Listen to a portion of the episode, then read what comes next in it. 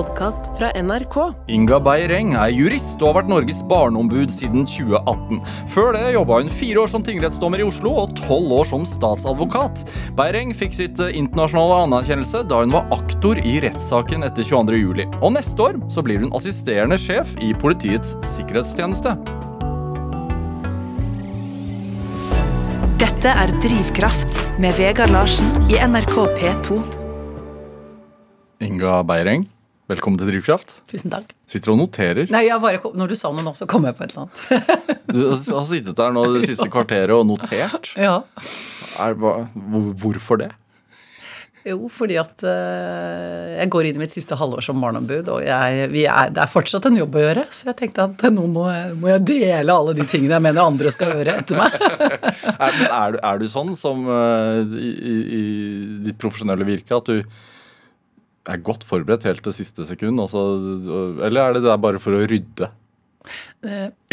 Eh, Det er litt for å rydde hodet, eh, men eh, jeg er egentlig alltid sånn mer eller mindre godt forberedt når jeg f.eks. holder foredrag eller sånn. For du kan jo tenke at man har drevet med å, sånn som for min del stått i retten i årevis, at man kan skyte mer fra hofta og sånn. Men eh, jeg har alltid et manus, eh, og så er det ikke alltid jeg bruker det. Eh, Sånn at det er eh, Jeg har alltid tenkt på, når jeg, i hvert fall når jeg var dommer, at eh, når jeg så ulike advokater komme og gå, at du er aldri bedre enn din siste sak. Sånn at du, selv om du tenker at dette får jeg til, og dette har jeg gjort mye, så, så må du ikke slappe av. Fordi at da risikerer du å liksom gå ut av manesjen i litt dårligere form enn det du kom inn i. Så, så jeg, jeg holder høyt det at man skal holde høy kvalitet helt til man går av med pensjon. Ja, hvem har lært av det? Eh, Nei, det har jeg lært ved å se andre som antagelig ikke har fulgt den samme regelen. jeg har tenkt at jøss, var ikke han en god advokat? Jeg har hørt så mye bra om han, og så dette var da ikke noe særlig å rope hurra for. Ja. Og da har jeg tenkt at eh, det er en tendens hos noen, kanskje mest jurister, jeg vet ikke, at man liksom man hviler på laurbærene litt sånn, kanskje litt for mye, da. At man ikke skjerper seg nok og oppdaterer seg nok. Ja. Ja, så det, Derfor så prøver jeg også alltid forberede meg litt. Hvordan er du i, i, i, i det private liv? Er du, det er snart jul. Har, det, har du laget egen sylte? Har du bakt sju slag? Er det Nei. altså Jeg, vil på å si, jeg ville ikke blitt gift i dag. kalte jeg, på å si. jeg, jeg vet ikke helt Jeg er ikke noe, ikke noe sånn øh, Ikke noe koneemne sånn sett. Eller hva man skal kalle det. høres litt, kanskje litt gammeldags ut. Men, men jeg har det, det, det rare er at jeg har liksom alltid ambisjoner da, om at jeg skal bake en del og sånn. Og det blir knapt pepperkaker. Eh, og, og nå er det jo ingen som gidder å gjøre det med meg heller, liksom, så det blir, men, men jeg har liksom Det henger over meg en sånn greie om at uh, det er noen ting man liksom skal gjøre hjemme, eh, og så får jeg det ikke helt til. Middag? Middag, det får jeg til. Ja. Eh, I hvert fall. Men altså, det er jo ikke noe kulinarisk opplevelse. Men jeg, eh, sånn i hverdagen, eh, prøver å spise middag sammen, alle sammen. middagsselskaper? Nei, ikke god på det. Jeg elsker å ha selskap. Jeg elsker å gå i selskap. Jeg er veldig sosial, men jeg blir veldig, veldig stressa av å skulle ha folk til middag, rett og slett. Altså, altså logistikken Er det nok mat? Klarer jeg å servere tidsrett altså, sånn- altså selve logistikken da, rundt Ja. en middag. Og det bør ikke være så mange gjester før jeg får høy puls. Um, så det, det liker jeg ikke. Så jeg har av og til spøkt med at jeg går heller i Jeg tar heller en sak i Høyesterett enn å ha liksom ti mennesker til middag. Så det, det er Og jeg vet ikke hvorfor, for jeg, blir ikke, jeg blir mer stressa på privaten enn jeg blir i jobb, da. Så når folk, folk først blir invitert, da bør de føle seg Da vet privilegert? de, og, og det tror jeg de vet, så da får jeg veldig mye skryt. For at da har jeg øvd på de samme rettene år etter år etter år. Um, Hva er psykologien bak? hva tenker du da på? På altså, altså at det er stressfullt det å invitere noen på middag? Ja, Det er ikke det å invitere dem. Det, altså, jeg vil jo gjerne invitere, men det er det Hadde jeg liksom hver gang kunne liksom tenkt at ja, nå skal jeg bestille all maten når det kommer på døra, og det gjør jeg av og til, altså, det må jeg innrømme, men, men det er jo så dyrt at det kan man jo ikke gjøre hele tiden. Nei, hva det ligger i det? Det er vel fordi at jeg ikke behersker det så godt. Ja. Er egentlig litt sånn øh, klønete på akkurat det å lage mat. Perfeksjonist? Perfeksjonist? nei. Nei, det er jeg ikke. Kontrollbehov? Nei, egentlig ikke heller. Så, så jeg vet ikke. Jeg har ikke på å si, psyko, hva heter det, psykologisert det. Jeg, jeg, jeg bare observerer at jeg liker bedre å bli invitert bort enn så, det, så jeg skiller sikkert en del folk en del middagsselskaper, da. Men, men, men altså, når de først kommer, så må jeg jo si at da, det, ikke, det, skal jo ikke mye til før eh, godordene hagler over bordet, da. For de er jo ikke så godt vant. Dette er Drivkraft med Vegard Larsen i NRK P2. Og i dag er eh, barneombudet Inga Beyer-Eng her hos meg i Drivkraft på NRK P2. Det siste halvår, du går inn i det nå. Mm. Er det vemodig? Ja, det er det. Jeg syns det har gått kjempefort. Burde det vart i to perioder? Det gjorde jo det før. før. Ja. Da var det vel fire Nå husker jeg ikke helt, da, men det var i hvert fall to åremål. Og så, så ble det jo noe det var jo noen skandaler i forbindelse med noen reansettelse av et barneombud, og, og, ja, og da endret de loven til at det ble seks. Mm uten forlengelse. Jeg tror kanskje seks nye år ville vært voldsomt, fordi du det er jo en veldig spesiell type jobb. Du skal apropos holde gassen opp, og du, ikke, du, må, du må, holde trøkk oppe. Hva, hva, er det man gjør, egentlig? Man er, altså Mandatet til Barneombudet er jo å Og det er jo faktisk en egen lov som sier at man skal følge med på eller påse at um, myndighetene følger eh, de rettighetene barn har da i Barnekonvensjonen, bl.a. Og hvis det ikke blir fulgt, hva kan man gjøre da? Ja, Da sier man fra høyt og tydelig eh, til de som har muligheten til å gjøre noe med det. Um, og så handler det også om å komme med forslag til forbedringer eh, på områder som, eh, som gjelder enten det er helsehjelp til barn, hvordan barn får hjelp i barnevernet, kriminalitetsforebygging. sånn. Så, så den rollen det, det, jeg tenker tilbake på nå når, når, det har gått litt tid, er at jeg visste jo egentlig ikke hva det var å bli barneombud. Jeg tenkte bare at eh, nå er jeg lei av å sitte og se på dårlig forebygging. Eh, sånn at så jeg hadde en motivasjon til å få til endring, men, men, jeg visste jo liksom på en måte ikke hva ombudsrollen innebar. Så jeg har jo på mange vis eh, brukt litt tid på selv å definere den rollen og tenke på hvordan skal man med et såpass lite kontor øh, som, som, vårt, øh, og ikke med noe beslutt, har jo ikke noen myndighet til å beslutte noe. Det er jo egentlig en påvirker, da. Overvåker av et eller annet slag. Mm. Hvordan skal man best bli lytta til? Det har jeg brukt ganske mye tid på. Um, Men hvordan ja. undersøker dere det? Altså hvordan barn har det? Ja. ja der har vi en del Vi kan f.eks. ha prosjekter hvor vi går inn Vi har hatt uh, på veldig mange ulike områder, bl.a. på spesialundervisning. Altså hva, hvordan, hva, slags hjelp får barn i skolen som, som strever med læring. Så har vi hatt på psykisk helsetilbud. Hva slags tilbud får barn for det første i kommunen de bor i, og, mm. og hva slags tilbud får de i spesialisthelsetjenesten. Så vi, vi velger oss, og Barn på institusjon har vi hatt prosjekter på, og det er klart at det, det gjør jo, Da snakker vi ofte også med de barna som, som har noen erfaringer. Mm. Og snakker med forskningen, ja, og sammenfatter det da i noen anbefalinger til myndighetene. Så, så, og jeg må jo si at jeg har egentlig blitt veldig ikke, Jeg kan ikke si veldig overrasket, men det er eh, Barneombudsstillingen i Norge har vi all grunn til å være stolte av hva vi har fått til. For jeg reiser jo en del rundt eh, og snakker med andre. Vi har jo et nordisk samarbeid, blant annet. Mm. Eh, og europeisk samarbeid. Og, og vi, det har blitt laget en plattform for barneombud i Norge som, som jeg tror vi, vi, er best i klassen der på å, å lytte til ombudets tilbakemeldinger. Så det må jeg si all honnør til offentlig forvaltning som, som eh, har gitt denne, dette kontoret og det, denne stillingen en stor plass. Og, og, det skal vi vokte vel. Men har de fleste andre europeiske land også barneombud? Ja. ja. Og det starta i Norge. Eh, det var det første barneombudet i 1981. Eh, og så blant annet, ja, nummer to var vel Trond-Viggo, og så var det hun Nå husker jeg ikke helt hva hun heter før det. Eh, men eh, ja, så, så, da etter mønster fra Norge så har dette blitt utviklet i veldig veldig mange land, ja. også utenfor Europa. Opplever du at dere er store nok? Du sier at dere har et forholdsvis lite kontor. Ja, det spørs litt. Eh, fordi at det spørs litt hva man skal drive med. Så det er jeg litt usikker på. Jeg tenker at vi kunne alltids hatt mer ressurser. Vi, jeg har jo nedbemannet i min tid for å få råd til det som man må ha råd til. Mm. Eh, så, så, jeg tenker det er, noen, det er noen smertegrenser der. Eh, og, og, og jeg, ja, jeg tenker at det er et viktig kontor fordi det, det, det skal tale, tale barnas sak og, og, påse barns rettigheter. Og barns rettigheter er Det er liksom Merka jo det under pandemien at hvem i all verden er det som skal håndheve disse rettighetene? Mm. Hvis vi ikke vi hadde vært der. Så det, det Jeg tenker at det, er, det, er, det, må ansettes et nytt barneombud etter meg, for å si det sånn. Det, jeg tror ikke vi skal fase det ut ennå. Vi er ikke helt i mål. Hvor viktig er det å være i media? Eh, det er både Altså, det er viktig for å få politisk oppmerksomhet, fordi at um, skal du få politikerne våre til å til å gjøre noe, eller til å lage nye lover som bedre f.eks. gir bedre helsehjelp til barn, eller bedre hjelp eh, barn som skal bo i fosterhjem, f.eks., mm.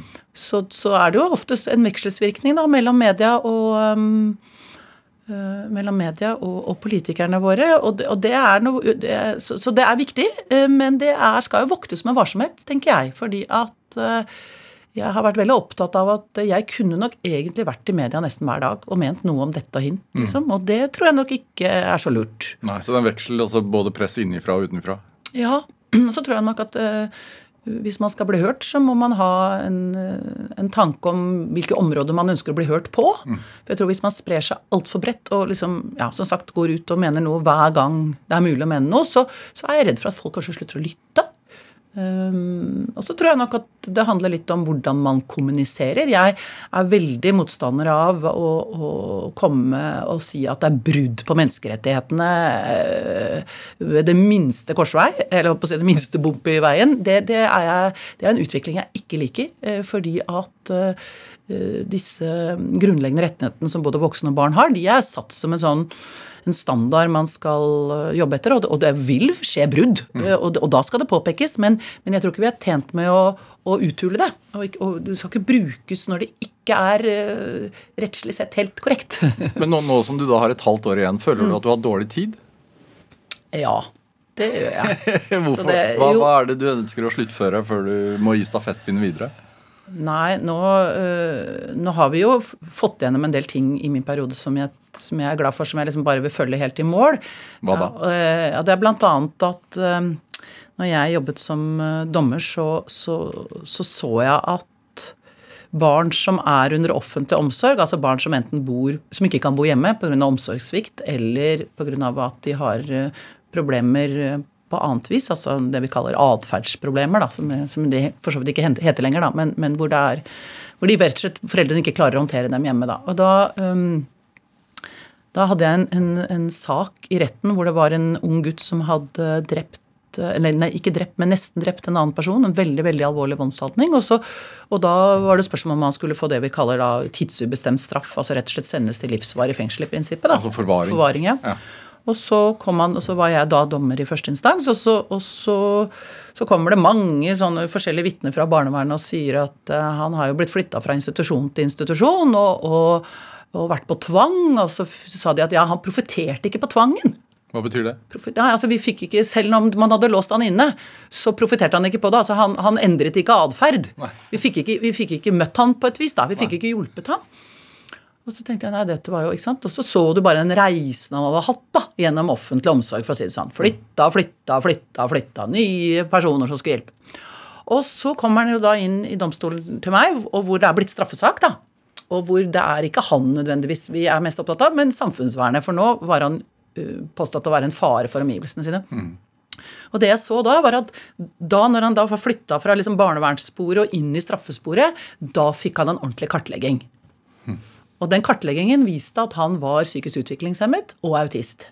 Det er I kombinasjon veldig, veldig uh, uheldig. Eh, det gir jo en dårlig fungering. Uh, det fant vi da først ut når han hadde begått, nesten begått et, uh, et fullbyrdet drap. Hmm. Og da tenkte jeg hva i all verden, hva slags system er dette? Altså, hvorfor er ikke han kartlagt tidlig? Hmm. Første gang han skal ut av hjemmet, i hvert fall. Siste etappe burde i hvert fall være da for å finne ut av at uh, det var jo en grunn til han ikke profiterte på hjelpen. fordi han, den var jo ikke innrettet ut fra hvilket problem, hvilke de utfordringene han hadde. Så da, Det var kanskje den saken som, og den saken endte faktisk i Høyesterett, og han uh, ble dømt til forvaring.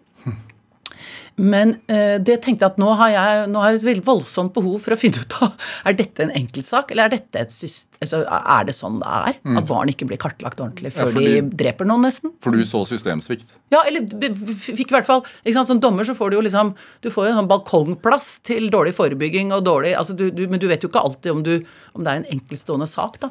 Så, så den saken gjorde vel på mange vis at jeg ble nysgjerrig på å kunne løfte meg ut av domstolen igjen og se på liksom Ok, hvordan skal vi nå lære av disse enkeltsakene og bygge noen systemer? Så det, det jeg har egentlig jobbet aller mest med, var jo å få på plass en lov som sikrer at alle barn som tas ut, som skal flytte ut av hjemmet, de får kartlagt eh, helsa si, rett og slett. At, får, at vi vet hva eh, altså, Det er, høres jo veldig banalt ut, mm. eh, fordi at eh, du må jo vite hvilke utfordringer barnet har um, i sin daglige fungering. Altså hvordan, hvordan har de det i hverdagen, og hvilket helsehjelpsbehov har de.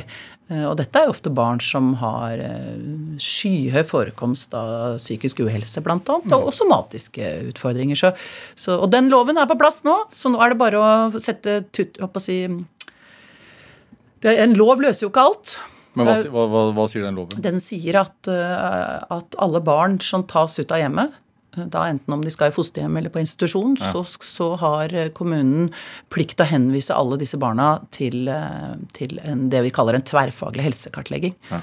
Hvor det er da, da, Man skal se hva er det dette barnet har behov for. Og så skal man gi hjelp tilpasset det. Så enkelt, egentlig. Er det, er det, noe unikt at, i det tilfellet at, at, pengene først ble brukt i, i det tilfellet at et lovbrudd hadde blitt begått? Altså i forhold til at pengene kunne blitt brukt tidligere hvor det kanskje hadde hatt noe for seg, holdt jeg på å si? Ja, ja, nei, det, det, og det Akkurat det der med at vi er veldig gode på å bruke penger på det vi kaller litt sånn uærbødig i ryddegruppa, altså i justisgruppa, mm. enten det er i kriminalomsorgen eller politi og påtalemyndighet. Uh, at vi bruker masse penger der, uh, og ikke penger tidlig i forebyggingsgruppa. Mm. Det, det uh, hadde jeg vel et glimt av når jeg satt og alle de årene jeg var statsadvokat òg, men det er jo enda mer tydelig for meg nå. Mm.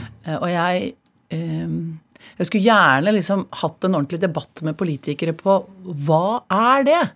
Hvorfor blir det sånn når vi driver politikkutforming eh, og skal bygge eh, gode velferdstjenester i Norge? Hva, hva, hva, hva mekanisme er det? Og jeg, eh, i de kontaktene jeg har med både med storting og regjering, så, så, så må jeg si at jeg, jeg, det er noe med hele vårt politiske system, hvor det er valg hvert fjerde år.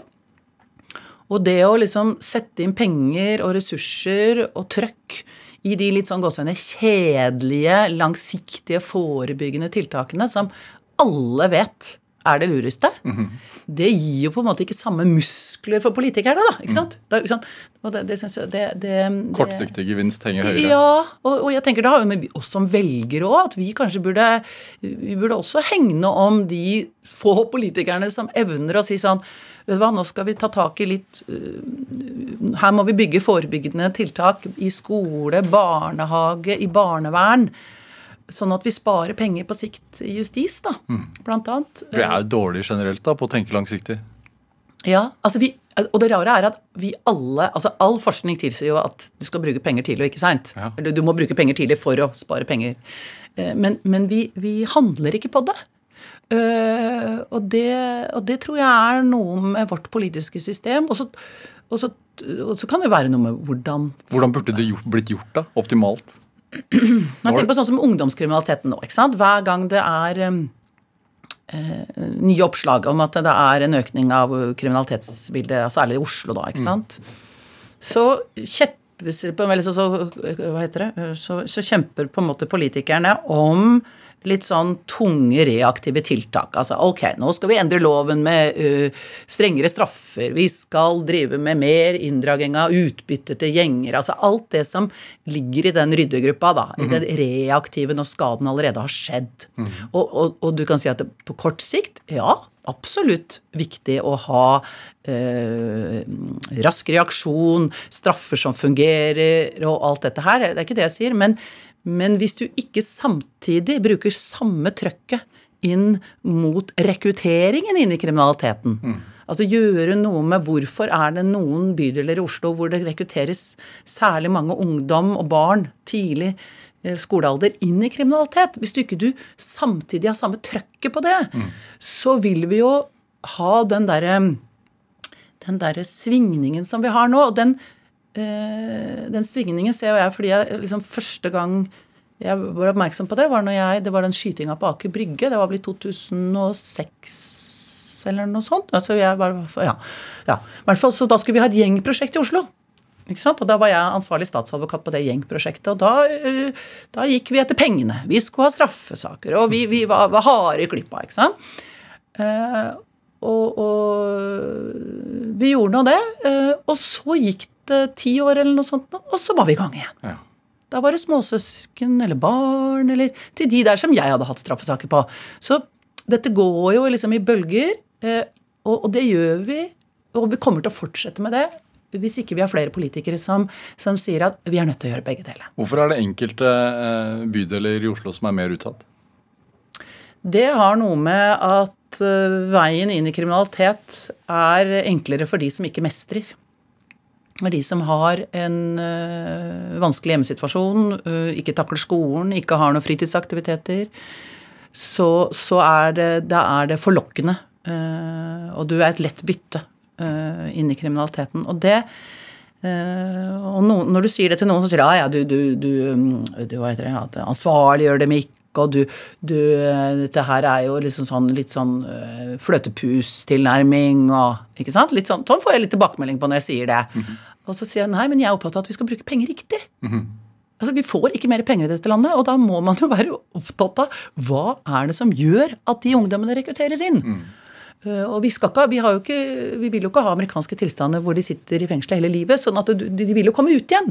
Um, sånn at uh, jeg, jeg tror i noen av disse bydelene som er hardest rammet i Oslo, så er det, er det uh, veldig mye uh, utfordringer i familien. kan være. Det kan være det vi har sett, i hvert fall. At det er mange av, disse barna som selv har vært utsatt for vold i hjemmet. Og så er det mange av dem som ikke mestrer skole.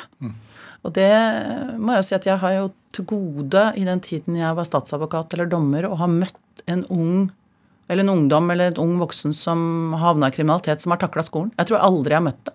Så de faller av et eller annet sted mellom 4. og 5. klasse. Eh, og nå var jeg nettopp nå i, i, i, en bydel av Oslo hvor det, hvor det, hvor det er noen utfordringer. Og da, da fikk vi liksom opplyst at det er jo 40% av ungdommene i, i visse områder av Oslo som ikke fullfører videregående opplæring i løpet av en femårsperiode. Altså, altså hva, hva, hva, Hvordan tror du livet blir å mestre for dem da?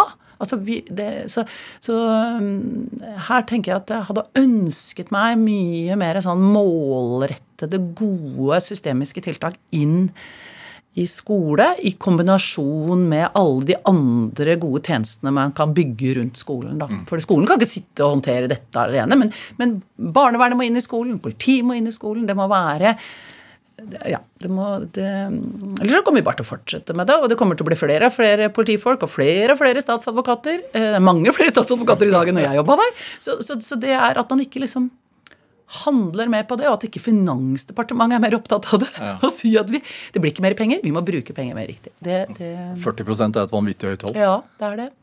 Så det burde, det burde oppta Oslo kommune sentralt. Hvordan sørger vi for at eh, de tallene går ned? Når du ser dette her og, og, og ser på statistikken og har sittet i andre enden holdt jeg på å si, som en del av Ryddehjelpen, har du følt på, eller føler du på frustrasjon? For du, du, som du sier, vi vet jo det. Hvorfor gjør vi det ikke? Ja. Føler på frustrasjon. Og så, og så tenker jeg, når jeg satt da enten som statsadvokat eller dommer, så, så ble det en sånn slags sånn svogerforskning. da, At jeg tenkte at når jeg leste dokumentene, at nå blir det påfallende mye likt her. Eh, og det, blant annet dette med kartlegging, da. At det ikke, sant, ikke får god nok hjelp under, under barnevernets omsorg. Men, men eh, ja. Men, men jeg skulle ønske at vi, vi kunne hatt en disk... Altså På jobben en gang så var det en eller annen han en sånn klok fyr som jobba lenge hos Barneombudet. Han sa det at vi skulle vært valg vært valg hvert tiende år. Hadde vi fått gjort de store, gode reformene. Så det, så det handler jo om hvordan skal byråkratiet, altså de som jobber i departement og direktorat, få politikerne våre til å ha eh, oppmerksomhet over tid over de mest komplekse samfunnsutfordringene våre. Burde vi hatt det? Valg hvert tiende år? Ja, Hvis jeg hadde bestemt, hadde vi hatt det. Det er vel sikkert, sikkert også tallet mot det òg, men, men, men, men, men jeg er bare opptatt av at, at vårt politiske system, med det der hvert fjerde år, det, det, det skaper en risiko for kortsiktighet. Og for at politikerne er nødt til å vise resultater av hva de gjør. Og det vil man ikke ha i en fireårsperiode hvis man sier at nå skal jeg sørge for gode eh, forebyggende tiltak i barnehagen, f.eks. Ikke sant? Det, det, det vil de ikke se. Det, altså, du, du sa det at eh, som, som dommer eksempel, så satt du der på balkongen ut mot elendigheten. Ja. Um, og nå som barneombud så, så leser du jo det du leser, og du ser jo mye elendighet da også, antar jeg. Hva, hvor mye menneske er du oppi det? i forhold, altså Tar du ting innover deg, eller eh, Ja, det, det spørsmålet har jeg egentlig fått veldig mye sånn i forbindelse med, eller etterkant av 22. juli. Eh, Jeg tror nok at jeg har etter de årene som statsadvokat i hvert fall trent opp en eller annen distanse. Eh, Men ja, det har jeg nok. For ellers så, så blir du så følelsesstyrt, liksom. Og jeg, jeg tror ikke, det er ikke det det feltet her trenger. De trenger ikke folk som er følelsesstyrt sånn sett, men du må jo Jeg tror liksom, jeg har nok mer tro på de harde fakta, jeg. Uh, tall og? Hva koster det? Hvor mange prosent er det som ikke fullfører videregående opplæring? Hva kommer det til å koste oss hvis ikke de bidrar i samfunnet? De tingene der har jeg mer tro på. Ja, For vi har ikke råd til det. Vi har ikke råd til det. Og jeg, jeg, jeg hadde, hadde bare hørt et innlegg fra Finansdepartementet nå om at det blir ikke mer penger på sikt. Så vi er nødt til å bruke penger riktigere. og da, Så jeg har nok mer tro på tall, fakta, og så tror jeg det der med å være menneske oppi det og, og, og du, for jeg møter jo mange enkeltsaker som, som berører, eh, både før og nå. Så du, du må på en måte ha dem med deg. Eh, og du må ha dem med deg når du av og til tenker at nei, men gud, nå tror jeg ikke jeg orker mer. Nei, nå må, altså, de lytter jo ikke til meg, liksom. Nå Når skal jeg overbevise dem at de må endre kurs? Liksom, De ettermiddagene hvor jeg har det, eller kveldene hvor jeg har det, da kommer de bildene litt fram. Ja. Da har jeg bilder av noen, noen barn jeg har kanskje møtt i Eller kanskje ikke, ikke har møtt engang, men har, har lest om. Og da tenker jeg nei, du, nå er det bare å banke på den døra enda hardere neste gang. Liksom. Og så, og så var det var en, en som jobber i dette feltet, sa til meg en gang du kan jo stå og banke og banke på døra, til slutt så åpner den seg. Og det har jeg sagt. Altså, du må rett og slett ha litt stamina og ikke gi deg. Hvilke bilder sitter sterkest? Oh. Jeg har et, eh, et bilde av en, eh, en ung gutt. Han var vel kanskje sånn fem-seks år, og jeg har aldri møtt han, men jeg hadde en sak i retten hvor det gjaldt Han var tatt ut av hjemmet fordi foreldrene eh, hadde Altså det var, han det var utsatt for omsorgssvikt. Det var mye kriminalitet blant annet, eh, som foreldrene drev med. eh, Og han fikk ikke god omsorg, så han ble flytta ut. Og så ble han værende halvannet år i et beredskapshjem, dvs. Si sånn midlertidig hjem, liksom, i påvente at man skulle finne en ny, nytt sted han kunne bo. Og så, og så etter halvannet år så fikk han en, en, en fosterfamilie, da. Et godt stykke fra der han egentlig ble født. Og så kom den saken i retten til meg fordi han fordi det var spørsmål om, ikke om omsorgsovertakelsen, men om, om, om, om det var andre enn en, de opprinnelige foreldrene som også skulle ha samvær. Jeg tror det var om det var bestefar eller bestemor. eller noe sånt. Så det var rett og slett hva tåler han av samvær som jeg skulle vurdere. Og da eh, husker jeg at eh, da er det en sånn talsperson som skulle snakke med barnet. altså Være hjemme hos barnet og så høre hva, hva syns du, vil du ha mer samvær? sånn og da husker jeg så godt den talspersonen til barnet kom og sa at eh, han, jeg har fortalt han nå hva et fosterhjem er. Han var jo liten, ikke sant? Da var han seks, fem-seks år knapt på det tidspunktet. Jeg har fortalt hva et fosterhjem er, og, og, dette er et, og da svarte han at det har jeg forstått er et sted hvor jeg skal få være til jeg blir voksen. Sant? Forteller denne damen til meg i retten. Og så ehm, fikk jeg litt informasjon om hvem man ville, om man ville ha samvær med. Og sånn, og så, og så gikk det noen timer, og så kommer da eh, fostermor inn i retten. Som da hadde hatt han et halvt år. Og så sier hun jeg vil bare starte med å si at jeg har sagt opp avtalen. Han må flytte. Og det var liksom sånn Jeg bare tenkte på sånn, sånn umiddelbart sånn fryktelig aggresjon Altså jeg ble så sint, liksom. Så tenkte jeg bare i all verden, Så sa hun jeg makter det ikke. Vi får ikke hjelp til han. Han er veldig utagerende. Det går utover våre biologiske barn. Vi står mutt putt aleine med han. Så han måtte flytte igjen. Mm. Sånne, ikke sant? Og, og da, da tenker jeg han, han, som jeg aldri har sett, men bare lest om, han, han eh, er med meg når jeg har engasjert meg i barnevern. Fordi, fordi at da han Det, det, det var jo vitne om at vi For å si det sånn, min påstand er at vi behandler barn dårligere enn voksne. Vi ville jo aldri akseptert å flytte en voksen rundt fra hjem til hjem til hjem til hjem. Altså Vi blir jo stressa bare vi skal flytte én eller to ganger i livet. Noen av disse barna som, som uh, ikke kan bo hjemme lenger pga. bl.a. Om, eller omsorgssvikt ofte, de blir flytta, og flytt, noen flytter fem ganger i et, løpet av et år.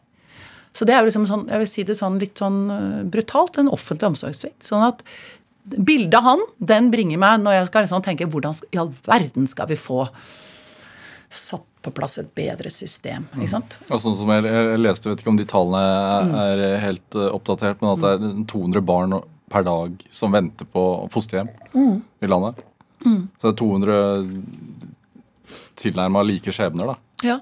Og nå har vi også problemer med å, å skaffe institusjonsplasser. fordi at, uh, apropos, nå har det blitt besluttet at uh, på et eller annet Ja, at man ikke Det skal ikke være kommersielle aktører da, eller i hvert fall det er tilbydere av barnevernsinstitusjoner. Og så tenker jeg det er noe greit, det. Men, men, du kan da ikke gjøre det før du har sørget for å bygge opp et tilbud i det offentlige. Så nå, nå, er det jo et, et, et, økende problem med at barn heller ikke får institusjonsplass når de trenger. Og det gjelder hele landet. og det og det har jo noe med finansieringen av barnevernet å gjøre. Jeg tenker at Finansdepartementet har et stort ansvar i å sørge for at vi har en finansiering av barnevernet i Norge som, hvor de har beredskap, sånn som man har i politiet og alle andre steder. Sånn at barn eh, ikke må oppleve det og på en måte ikke få plass et sted å være når det er akutt, og når de har det, har det Eh, svært krevende hjemme, eh, og kanskje bli utsatt for vold og omsorgssvikt. Der tenker jeg at jeg skulle ønske at Finansdepartementet var mer på ballen, tok kontakt med de fagdirektorat og departementet som gjelder, og spør hvordan skal vi bygge et eh, finansieringssystem som er robust, sånn at vi klarer å ivareta disse barna på en helt annen måte enn det vi klarer i dag. Nå skal du bli nestsjef i PST, da, mm. Beiring. Mm. Skulle du ikke gå til politikken i stedet, da? Jo, jo, det skulle jeg ja. ja da, men da måtte jeg på valg, da. Ja.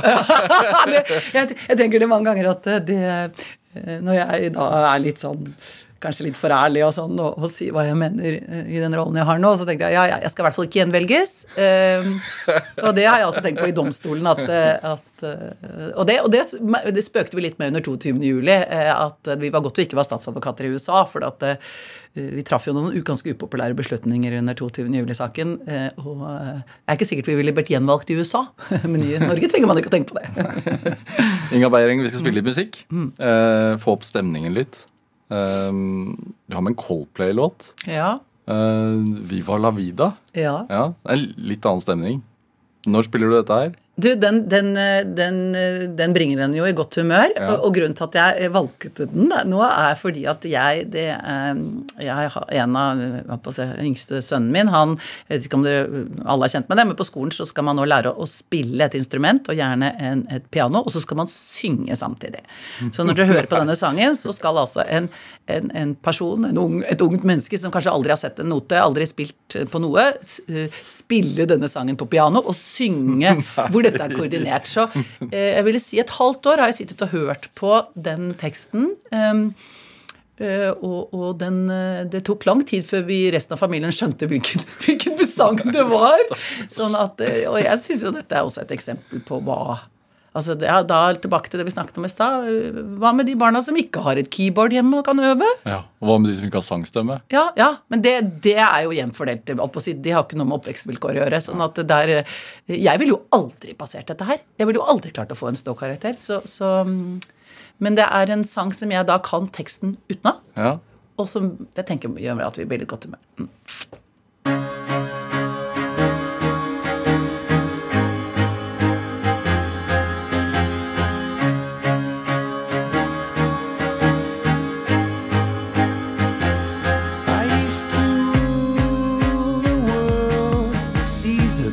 with a game.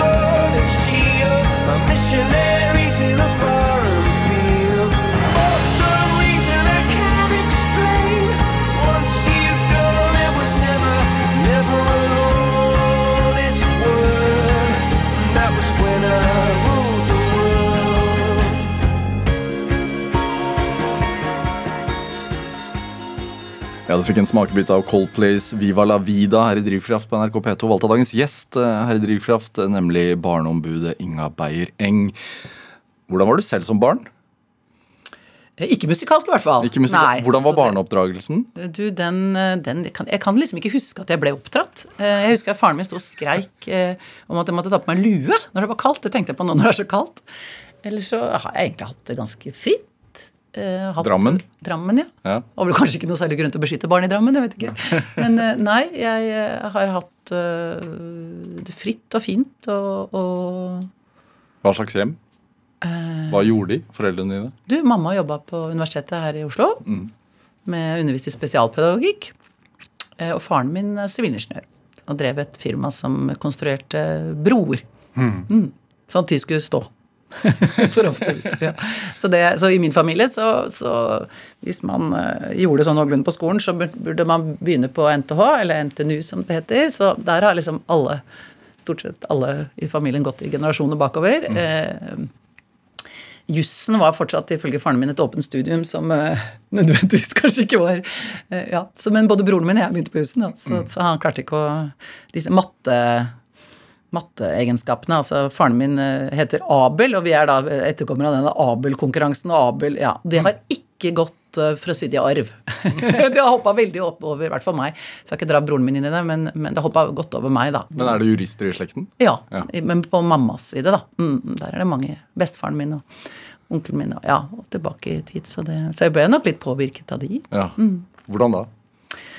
Ja, Bestefaren min han hadde jeg et veldig nært forhold til. Han var egentlig direktør i et, et forsikringsselskap, men når han ble pensjonist, så ble han lagdommer i Frostating lagmannsrett.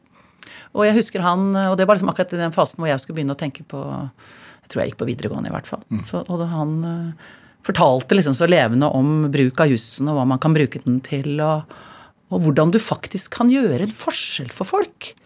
Jeg, jeg tenker at jeg, hvis jeg skal drive med noe annet seinere, så skal jeg prøve å påvirke unge jurister til å kanskje jobbe et annet sted enn bare forretningsadvokatfirmaer.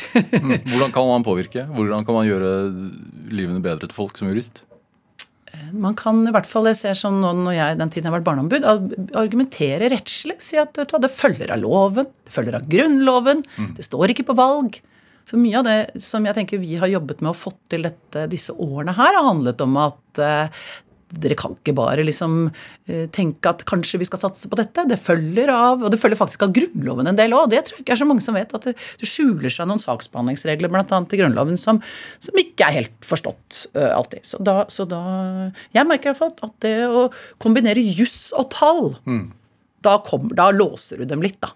sånn at jeg, så jeg, jeg tenker at det Jeg håper, jeg skulle ønske enda flere jurister var opptatt av å, å bidra med juridisk kunnskap inn til litt mer utsatte grupper i samfunnet. Det, det hadde vi tent på. Mm. Burde vi ha juss som eh, en del av eh, grunnskolen?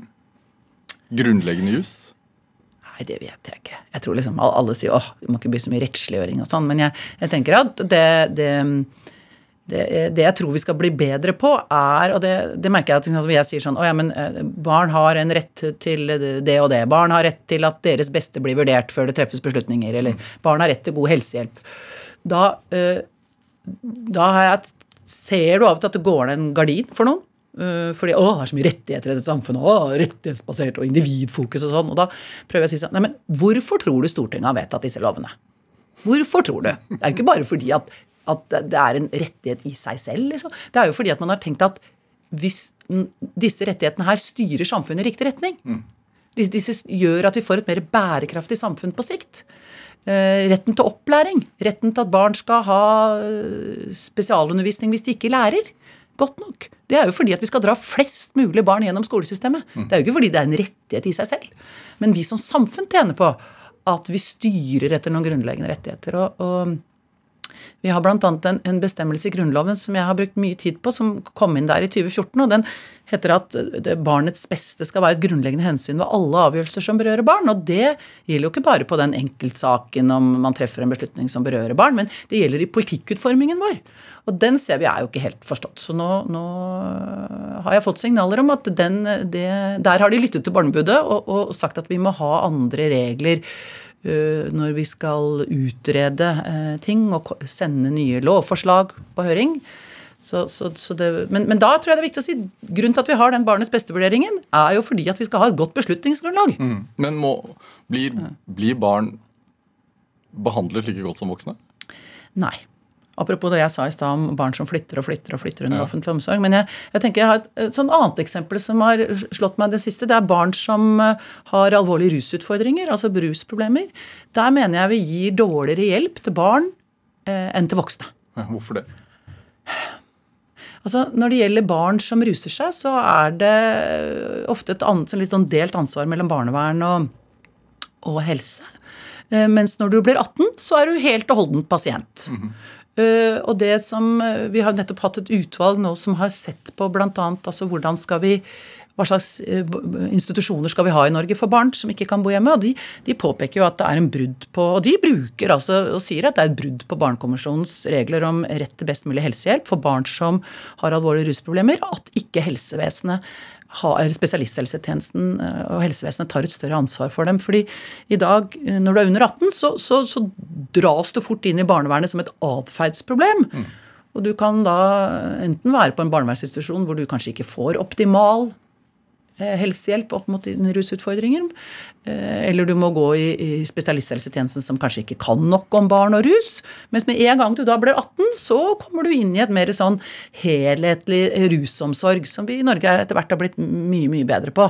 Så, så mm, det er jo et, et paradoks. Og de, de foreslår nå at, at, at helsevesenet må ta et helt annet ansvar for barn som har rusproblemer. Mm. Lykke til med å finne penger til det, si. Ja, men de, men de bruker penger på det bare i en annen sektor, så, så det er jo bare å få drei dette over på de som har kompetanse. Men, Ja. men dras man for kjapt inn i barnevernet? Nei, det vil jeg nok ikke si sånn generelt. Men det jeg ser, er at barnevernet blir veldig stående alene. De blir stående alene med barn med komplekse utfordringer som, som ingen andre tjenester klarer å hjelpe. Eh, Og det er jo særlig grenseflaten mellom barnevernet og helse. Og jeg, jeg må si at der vi jeg håper at vi kan få en At vi kan begynne å sette litt futt og fart inn. Det er for barn som har komplekse og sammensatte behov. Det kan være barn som da er i barnevernet og har behov for helsehjelp, bl.a. Altså, der eh, ser vi at når flere tjenester skal jobbe sammen om å gi hjelp, for det må de, fordi de barnet har såpass store utfordringer at det er ikke én tjeneste alene som kan hjelpe, der, er vi, der strever vi veldig. Og nå har Helsetilsynet nettopp kommet med en rapport hvor de gikk gjennom eh, en rekke dødsfall av ungdom som har dødd på institusjon. Det var bl.a. disse tvillingene i, i Østfold som døde av, overdose mens de var på institusjon. Der er konklusjonen til Helsetilsynet ganske brutal. Den sier at sant, disse barna med sammensatte behov trenger hjelp fra flere tjenester. Hver tjeneste leverer i og for seg innenfor sitt område, innenfor sin sektorlov. Men det mangler en felles forståelse av hva barna trenger. Og da blir, som de skriver, ganske sånn brutalt, summen av enkelttjenester De blir, de, blir ikke godt nok. byråkratiet eller enkelttjenestene ser ikke helhetsbildet. Ja, de leverer bare på det de sånn innenfor loven skal levere på. Og de har ikke satt seg De sitter ofte rundt samme bord.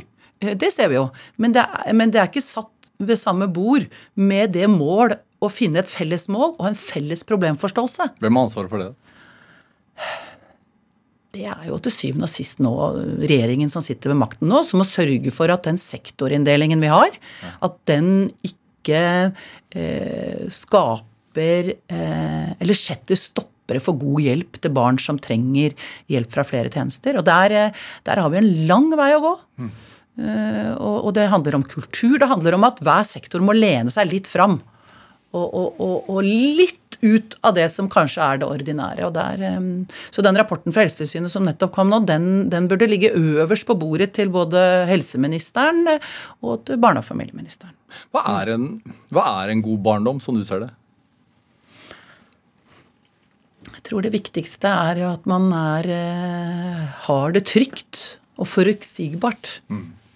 Og da tror jeg at barn kan tåle mye. Eh, For livet kan jo by på veldig mye ulike ting. Eh, Men hvis du har en sånn god grunnmur til det, så, så tror jeg du kanskje møter omgivelsene dine både på det negative og det positive på en mer sånn robust måte, da. Jeg hadde uh, Jon Hammersmark her i går, i Drivkraft i går, som, mm. som, jo har vært i Forsvaret i 23 år. og mm. Han var veldig klar på at han mente at vi syr altfor mye puter under armene på barna våre. Ja, for noen barn, ja. ja. ja. Det, og det kan ikke sant at de blir litt sånn livsudyktige, at vi skal hjelpe dem med alt og, og Han sier, Hva var det han sa? Vi applauderer nå bare de puster. Ja, ja, ja da, det, det, vet sikkert han mer om enn meg. Jeg har jo fokusert mer på de som øh, kanskje ikke har, de bas, har får dekket de basale behovene sine engang. Så, så, så det, man kan godt snakke om de. Man trenger ikke så mye barneombud for de barna, øh, sånn man, men for de barna som ikke har det godt hjemme, eh, hvor de blir utsatt for vold og omsorgssvikt, det, det, det, Vi har ikke nok offentlig oppmerksomhet rundt det. Eh, og jeg tenker at vi har et system i Norge hvor det blir mye offentlig oppmerksomhet rundt når voksnes rettigheter blir brutt. Men ikke samme eh, oppmerksomhet når barn ikke får god nok beskyttelse. Og jeg tenker disse sakene vi hadde, har hatt nå i Strasbourg, hvor Menneskerettighetsdomstolen har dømt Norge fordi Eh, da biologiske foreldre ikke har hatt nok samvær, og at vi har hatt et for rigid system. Også, Tatt barna for tidlig ut og ja, Nei, det er vi, nei, og det var jeg glad du spurte om. Det, vi er ikke dømt for å ta barna for tidlig ut. Men det er det noen som tror. Det er rett og slett terskelen for omsorgsovertakelse. De har de ikke hatt noe å si på. Men det de har hatt noe å si på, er hvordan vi følger opp foreldre, og hvordan de har samvær med barna sine etter at de har flytta ut. Mm. Eh, men det fikk jo masse oppmerksomhet i media. Og, og det var jo altså det, det, var jo Vi måtte jo løpe Det var jo, mm, hva skal jeg si, seminarer og foredrag og på Stortinget og overalt med hvordan skal vi få løst dette, mm. sånn at vi sikrer disse foreldrenes rettigheter. Og når, når det sto på som verst, så tenkte jeg men hvor var disse stemmene og den offentlige oppmerksomheten når vi for noen år tilbake hadde en rapport som het Svikt og svik? Når man da, hvor det var en, en, en, gruppe veldig kompetente fagpersoner som gikk gjennom alvorlige saker hvor barn har vært utsatt for vold og omsorgssvikt. Mye straffesaker, da, blant annet. Og hvor konklusjonen er svikt og svik. Vi klarer ikke å hjelpe dem. Det var ikke én overskrift i noen aviser. Og det var ingen som løp om kapp for å ha seminarer for hvordan vi skulle følge opp de læringspunktene. Det Hvorfor er det sånn, tror du? Vet du hva, jeg vet ikke. Jeg jeg tror at det kan handle om at vi som er med på å sette dagsorden, altså media øh, eller liksom de som skaper den offentlige oppmerksomheten, da, enten det er politikere eller media, eller sånne som meg, er at vi identifiserer oss jo veldig fort med voksne. Ja. Jeg kan identifisere meg plutselig, eller kan iallfall tenke tanken på øh, å bli fratatt barnet mitt, liksom. Eh, og ikke få se det. De følelsene kan du kjenne på. Men jeg klarer ikke helt å kjenne på hvordan det er å være redd for å gå og legge seg fordi far kommer og slår deg. Mm. Eller mor kommer og slår deg. Det, det, er noe med For de har jeg aldri opplevd. Eller aldri, jeg kan klare ikke å identifisere meg. Så, så det, dette blir bare spekulasjon. Men, mm. men uh, vi, vi, vi, er nødt til å sørge for at rettighetsbrudd mot barn også får samme politisk oppmerksomhet uh, og samme offentlig oppmerksomhet. For det henger jo ofte sammen. Men men det er jo, også, det er jo litt din jobb òg? Ja, min jobb òg. Ja. Derfor sier jeg det til deg. Ja. og jeg har sagt det mange ganger eh, på, på foredraget jeg har holdt. Ja. Men, men, men, det er jo Er det ikke litt sånn også at man er litt uh, var på å um, blande seg for mye inn i andre foreldres barneoppdragelse, eller hvis man, hvis man tenker at der kanskje er det omsorgssvikt, og så mm. er man veldig forsiktig mm. med å rekke opp hånda eller å blande seg. Ja. Burde man turt å blande seg mer? Burde man være liksom mer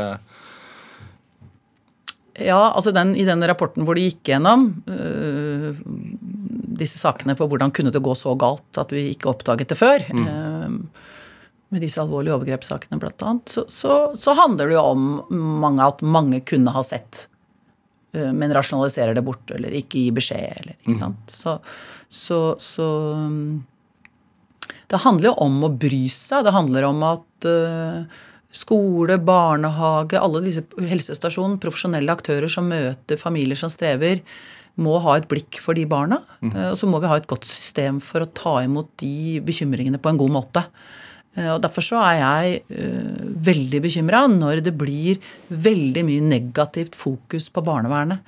Uh, og det betyr ikke at barnevernet ikke har masse å lære, og, og vi burde uh, bygge et mye bedre system. Vi har for ikke noe, det er jo ikke noe krav til antall ansatte i barnevernet. Bare det. ikke sant? mest komplekse, krevende myndighetsutøvelsen vi har i dette landet, er lagt til lavest forvaltningsnivå uten krav til bemanning. Størrelse. Det er jo egentlig helt absurd. Men Vi har bemanningskrav på skole og barnehage, men ikke for de aller mest sårbare. Så, klart at, så, så det er mange ting der, men, men det er sikkerhetsnettet til barna. Så hvis vi snakker det altfor mye ned, så, så, er det jo barna som trenger beskyttelse, som kommer til å lide for det. da. Mm. Inga Beiring, eh, mm. sitatet 'Som dine dager er, skal din styrke være', hva betyr det for deg? Eh, det betyr mye, faktisk. Jeg, jeg husker jeg, jeg jeg husker det var en venninne av meg som mistet eh, begge foreldrene sine veldig tidlig. Eh, og da var det en annen klassevenninne når vi gikk på gymnaset, som, som, skrev det på et kort. For det, det står visst et eller annet sted i Bibelen. ikke jeg? Eller, ja, nå avslører jeg at jeg kanskje ikke jeg leser Bibelen veldig sånn daglig, for å si det sånn. Men, men det, det, tror jeg nok at for min del også har vært uh, veldig førende. Jeg har, um, jeg har selv liksom vært utsatt for ting um, Eh, litt tøffe påkjenninger i familien min hvor, hvor, jeg tenker at hadde noen sagt til meg på forhånd at jeg skulle gjennom det, så hadde jeg tenkt nei. Mm. No chance, liksom. Da hadde jeg lagt på røret. Men så står man i det, og så, og så får man noen krefter, da. Som, som, er eh, Ja, så det tenker jeg at um, Så det, det, det, der, det sitatet der, eller bibelverset, da, mm. det, det, det, ligger det mye visdom i, tenker jeg. Mm. Er det rettferdighetssansen din? Mm. Hvordan vil du beskrive den? Jeg tenker den er ganske sterk, egentlig. Det er det som egentlig har drevet meg litt. Hvorfor, hvor kommer den fra, tror du? Nei, det vet jeg ikke. Det, det, jeg bare kjenner at det er der. At jeg, jeg blir fort engasjert i urett. Um, at jeg av og til kanskje Nei, jeg vil ikke tenke at jeg ikke skulle gjort det. Men, men um, Nei, jeg blir, jeg blir fort utålmodig og litt pågående for ting som jeg tenker sånn Men hva i alle dager, liksom? Skal vi akseptere dette i et så rikt, kunnskapsrikt samfunn som Norge, liksom? Mm. Men har den vært der før det også? Har den alltid vært der? Uh, ja Ja. Var, jeg ble oppringt en gang av en, en, en lærer, gammel lærer jeg hadde hatt, som, som, det var vel kanskje i forbindelse med 22. juli, som mente at jeg alltid hadde hatt det. da, at det vært litt sånn, Jeg har sikkert vært aktivt og ment mye, liksom, men jeg, men jeg det er lett for meg å ta de svake sider og, og, være litt tydelig på vegne av de. Det, det, det, og, hvor, og, når det kom og hvordan, det vet jeg ikke. Men uh, der blir jeg fort liksom berørt uh, til å handle, på et vis. da. Mm. Mm. Mm. Når du legger deg om kvelden, da, hvordan har du det da? Da teller jeg timer. Som du skal få sove? Ja, jeg er veldig glad i en fest. Men jeg har alltid, og det har studietiden også, mye festa. Øh, men jeg var alltid sånn opptatt av at jeg lå og telte på fingrene. Jeg la meg nå, Hvor mange timer søvn fikk jeg? For jeg er veldig opptatt av å få nok søvn. For jeg tror det er, øh, er viktig. Mm. Og jeg sover egentlig relativt godt uansett hva jeg står i. Øh, eller i hvert fall gjort. Det kan kanskje bli verre i morgen. Men men jeg Nei. Så det profesjonelle som jeg opplever, det, det er relativt godt å legge bort, liksom. Mm. Så jeg, kan jeg jo gnukke og gni fælt på andre ting, liksom. Ting som er familie min. Altså, jeg er jo ikke noe sånn som ikke bekymrer meg, altså. Det er heller det motsatte. ja. ja. Er det nå, som du skal over i en ny rolle, mm. hvilke råd vil du gi etterfølgeren din, da? Oh man skal vel kanskje være forsiktig med det, men uh, jeg tror hold fast ved jussen, da. Selv om det kanskje ikke blir en jurist, så liksom hold fast med å, å, å bruke det, og så og så være opptatt av Og så tenker jeg at kanskje ikke være for mye aktivist, men heller gå i dialog. Jeg har, jeg har litt tro på at um, veldig mange av de som jobber i offentlig forvaltning, enten det er et departement eller direktorat eller kommuner, og, som, som jobber hver dag for at vi skal ha bedre uh, skoler eller barnehager eller helsetjenester. De, de, fleste, de, aller fleste vil gjøre en best mulig jobb. Mm. Og det gjelder de vi kommer i møte med og sier at nå må dere gjøre litt mer sånn og sånn, og dette er ikke bra nok og sånn. Altså, ha litt, uh, Gå i dialog med dem og, og, og sørg for at uh, ja, ikke, ikke, bare kom med pekefingeren, men, men, men, jeg tror man kommer lenger med litt mer samarbeid. Og det øh, må jeg si at de tingene som vi har fått i de årene jeg har vært barneombud, har vært basert på samarbeid. Eh, og god kommunikasjon med de som faktisk sitter der og kan eh, lage ny politikk. Eh, så, jeg, så, så, så Derfor er jeg ikke så glad i det der aktivistordet, egentlig. Jeg tenker at det det er mye bedre å gå i, i, i god diskusjon. Og så skal de få motstand og få tall på bordet og sånn, men, men, gjør det på en måte som, hvor de har lyst til å lytte til deg. Mm. At de ikke har lyst til å stenge døra og tenke gud, nå er jeg sånn pliktskyldig møte med Barneombudet, liksom. Å, guri meg, når er dette ferdig? Eh, mye bedre at de tenker at oi, eh, kanskje dette kontoret kommer med viktig kunnskap for oss for å skape god politikk eh, for barn og unge i Norge. Mm. Hva er drivkraften din, da? Få til endringer. Mm. Det blir jeg veldig for jeg blir, eh, da, kan jeg, eh, da kan jeg jobbe mye. Hvis jeg kjenner at, eh, at Og det løsner litt, liksom, på at, at, de som kan faktisk gjøre noen endringer, da. At de liksom, du ser at de, de begynner å gå over på din banehalvdel og være enige om altså, Sånn som vi snakket om i stad, felles problemforståelse, da. Ja. Det, det, det, det, er nesten som å vinne tipping, altså, de gangene. Det, det, driver meg. Ja. Inga Beiring, tusen takk for at du kom til Drivkraft. Eh, og lykke til med siste halvår. Takk. Hør eh, flere samtaler i Drivkraft eh, på nrk.no eller i appen NRK Radio. Send oss ris eller ros, og også tips til mennesker som du mener har drivkraft. Send en e-posten til drivkraft.krøllalfa.nrk.no. Vi hører veldig gjerne fra deg. Produsent i dag det var Kjartan Aarsand, mens Ådne Feiring gjorde research til denne sendingen. Men dette, dette var Drivkraft. Jeg heter Vega Larsen. Vi høres. Du har hørt en podkast fra NRK. Hør alle episodene kun i appen NRK Radio.